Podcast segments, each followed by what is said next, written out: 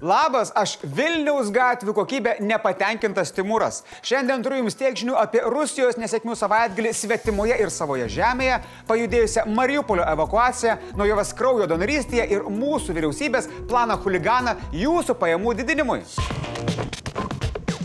Savaitgalį Rusijos agresiją atremenčiame Kijeve lankėsi JAV atstovų rūmų pirmininkė Nancy Pelosi. Prezidentas Vladimiras Zelenskis susitikimą pavadino stipriu paramos signalu. Buvo aptarti gynybos įrangos tiekimo bei finansinės paramos Ukrainai ir sankcijų Rusijai klausimai. Kalbama, kad tik laiko klausimas, kada atskris pats Bidenas. O karo aidas toliau keliauja per pasaulį. Dėl karo Ukrainos jūrų uostose užblokuota beveik 4,5 milijono tonų grūdų. Apie tai pranešęs Junktinių tautų atstovas sakė, kad alkis neturėtų būti ginklu. Bet kaip rusai išmoko per holodomorą broliškas tautas badu marinti, taip nieko šalaikiškesnio ir nesugalvojo. Užtat, kuo jie naudotis tikrai nemoka, tai cigaretėmis, nes kažkokios vakaruose dar nematytos nuorokos savaitgalį vėl sproginėjo Belgorode sproginėjo Rusijos kariniai objektai. Kas nesupranta Bairio, tai paaiškinam. Būtent neatsargių rūkimų rusai aiškino kreiserio Maskva paskendimą. Mhm. Aš nežinau, kokia yra paskutinė mirčių nuo rūkimo statistika, bet šiais metais rūkyti Rusijoje garantuoju yra pavojingiausia vieta. Kažkur neten rūkė ir Rusijos generalinio štabo vadas Valerijus Gerasimovas, kuris lankėsi pavojingose fronto pozicijose rytų Ukrainoje. O pavojingose pozicijose nutinka ne tik rusiška betvarkė, bet ir daug sprogimų. Deja, bet įzume ukriniečių susprogdintose štabuose Gerasimovo nebuvo. Tačiau bent 200 karių, įskaitant ir mažiausiai vieną generolą, pavirto rusų pasaulio faršu. O dabar galime pasimėgauti juvelyriniu bairaktaro darbu. Čia nuostabiai dega netoli gyvačių salos Jodoje jūroje plaukėja Rusijos Raptor klasės kariniai laivai. Kaip rusų kariniams laivams ir priklauso, nuėjo nahui. Rusijos dūmos pirmininkas ir chrestomatinis Liumpinas Večeslavas Volodinas pareiškė, kad Ukrainai ginklus perdodančios vakarų valstybės turi sulaukti atsakomybės kaip karo nusikaltelės. Mm. O tuo tarpu tikrasis karo nusikaltelis Serioga Lavrovas pasakė štai ką. Но то, что аргумент он выдвигает, как, как, какая может быть у нас нацификация, когда я еврей, я, если правильно помню, боюсь ошибиться. Но, по-моему, у Гитлера тоже была еврейская кровь. И мы уже давно э, слышали мудрость, мудрый еврейский народ, который говорит, что самые ярые антисемиты, как правило, евреи. Panašu, kad argentinietiško kokaino atsargos Rusijos užsienio reikalų ministerijoje dar neišseko. Tokio komentarą iškart pasmerkė Izraelio valdžia ir ant kilimėlio išsikvietė Rusijos ambasadorių. Net neįsivaizduoju, kokius akrobatinius triukus turėjo daryti diplomatas, kad išsivartytų iš tokio Lavrovo gaidžio. Na bet rusų cirkas, kaip jie sako, labai aukštai vertinamas pasaulyje. Jei Rusijos pradėtame kare gali būti gerų naujienų, tai čia viena iš jų. Prasidėjo evakuacija iš apgultojo Mariupolio. Iš stipriai apgriautos plieno gamyklos Azovstal savaitgalį evakuota maždaug šimto civilių grupė. Evakuacija turėjo prasidėti šeštadienio rytą, tačiau okupantai nesiliovė bombardavę, tad ji prasidėjo tik vakare. Junktinių tautų organizacijos paženklintais autobusais civiliai okupantų yra lydimi į stovyklą Donetsko srityje. Žmonės vaduojami iš rusių, bunkerių ir grįvėsių. Vos tik pirmasis šimtas žmonių paliko teritoriją, rašistai pratęsė artilerijos smūgius.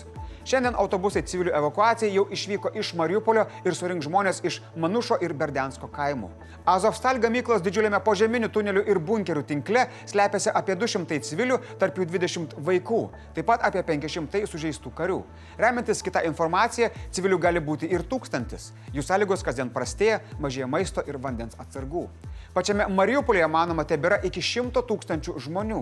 Dabar yra dvi viltis. Pirma, siekiama, kad kuo daugiau civilių sugebėtų pabėgti. Ir antra, kad jie nepakliūtų į okupantų įrengtas filtravimo stovyklas, kur žmonės tardomi, o kartais išvežami giliau į Donetską. Gera naujiena LGBTQ plus bendruomeniai ir mums visiems.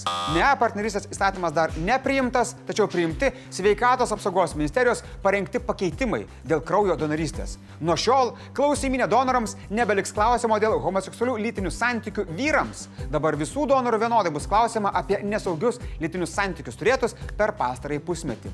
Beje, jei ir jūs turėjote, tai nu ne tai, kad pavydžiu, bet patarčiau išsitirti. Keturi mėnesiai nuo nesaugaus lytinio akto yra svarbus, nes maždaug maždaug tiek trunka živ inkubacinis periodas. Per šį laiką net ir geriausia diagnostikos aparatūra gali nepastebėti živ ir užkrėsti žmogų, kuriam perpilamas kraujas. Ta proga žmogaus teisų komiteto pirmininkas Tomas Vytautas Raskevičius pirmą kartą davė kraujo, kartu su juo pirmą kartą turėjo ir Laisvės partijos frakcijos kolega Kasparas Adomaitis. Raskevičius mano, kad daug LGBTQ plus žmonių jau ir tai buvo kraujo donorais, tiesiog jie turėdavo žemintis pildydami anketą. Jis džiaugiasi dėl atsisakomų įsišaknysių stereotipų. Pernai metų NVSC duomenimis iš žmonių, kurie nurodė, kad živ galimai užsikrėtė lytinių santykių metu, 70 procentų užsikrėtė heteroseksualių, nu tai čia tų tipo normalių, ir tik 3 procentų homoseksualių santykių metu. Kraujo centro vadovas pabrėžė, kad iki šiol homoseksualūs vyrai kraują duoti galėjo, bet situacija buvo labai apsunkinta. Tarp šalių, kurios neklausinėjo, ko nereikia, yra Italija, Ispanija, Vengrija, Pietų Afrika, Argentina, Olandija ir net Rusija. Nors šiaip Rusijoje tikriausiai neklausinėja, nes ten tiesiog tų gėjų nėra. Tai kam klausti, jeigu jų nėra, ne? Beje, asmenims, kurie pasidarė tatuiruotę ir nori paaukoti kraujo, pakaks palaukti tik keturis mėnesius. Primenu, kad kraujo donorais gali būti visi sveiki žmonės nuo 18 iki 65 metų, sveriantis bent 50 kg. Tad kviečiu visus tai ir daryti. Viena ranka už telefoną aukoju, kita iš vienos varai. Mm. Socialinės apsaugos ir darbo ministrė Monika Navickienė pažiūrė gerų naujienų. Valdžios sprendimai dėl šildymo leido sutaupyti apie 22 milijonus eurų, kurie pasiliko žmonių piniginėse. Priemonė buvo e, labai taikli, beveik 98 procentų procentai visų gyventojų, kurie kreipėsi dėl būsto šildymo kompensacijos, jų prašymai ir buvo patenkinti. Kita gera naujiena dar tik laukia. Ministrė sako, kad infliacija auks, tačiau mūsų pajamos auks labiau, nes vyriausybė yra parengusi trečdalio milijardo antiinfliacinį paketą. Šiemet jau antrą kartą didinamas neapmokestinamasis pajamų dydis. Aukščiausias prioritetas priimant sprendimus išlieka vis dar skurdo atskirties mažinimas pažeidžiamiausių visuomenės grupių tarpe. Nuo birželio planuojamas pensijų augimas. Jos šiemet auks 17 procentų, šalpos pensijos 21 procentą, o socialinės išmokos šeštadaliu. Turėtų būti ir mažiau skurdo, mažės negalę turinčių asmenų skurdo rodikliai, vienišų tėvų su vaikais ir senyvo amžiaus asmenų rodikliai. Tiesa, gali tekti atsisakyti lengvatinio 9 procentų pridėtinės vertės mokesčio maitinimo paslaugoms. Jis labai nepatinka premjeriai. Šimonytė sako, kad karas Ukrainoje tiesiogiai neveikia maitinimo sektoriaus, todėl nėra čia ko tais pinigais švaistytis. Nu va dabar turiu Jums klausimą. Ar pajutote, kad gyvenimas gerėja? Parašykite komentaruose ir nepamirškite mūsų susitarimo. Aš Jums smagiai pranešu naujienas, o Jūs man laiką statot po šio video. Jis pas nepasistato šiaip.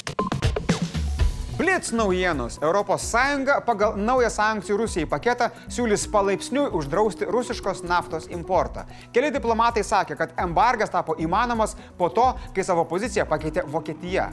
O Vokietijos žiniasklaida pranešė, kad dar trys šalis nusprendė neblokuoti šio siūlymo. Situacija Ukrainoje išlieka stabiliai bloga, o grėsmės Lietuvai nekinta. Lietuvos kariuomenės vadas sako, kad kol kas nematoma proveržio Ukrainai stabdant Rusijos paėgų polimą, o perspektyvų darybose nesimato. Vilniaus apygardos teismas iš suėmimo į laisvę paleido kišininkavimu įtariamą buvusi Kauno savivaldybės administracijos vadovą Vilių Šiliauską. Teismo vertinimu nėra pagrindo manyti, kad Šiliauskas bėgs ar slėpsis nuo tyrimo ar teismo. Įtariamajam paskirtos kardomosios priemonės - intensyvi priežiūra ir piniginis užstatas. Draugai, primenu šios laidos komentaro ir diskusijos klausimą. Ar jūs pastebėjot, kad gyvenimas pastaruoju metu pagerėjo? Nu, nekalbu apie orą, tiesiog šiaip, ekonomiškai. Jeigu taip, tai kodėl, jeigu ne, tai kodėl, komentaruose. Ir jei namuose, žinokit, susidurėt su vabžių invazija, tai jums nereikia chemijos ar kokių nors ten purškalų, jums reikia va tokių pagalbininkų.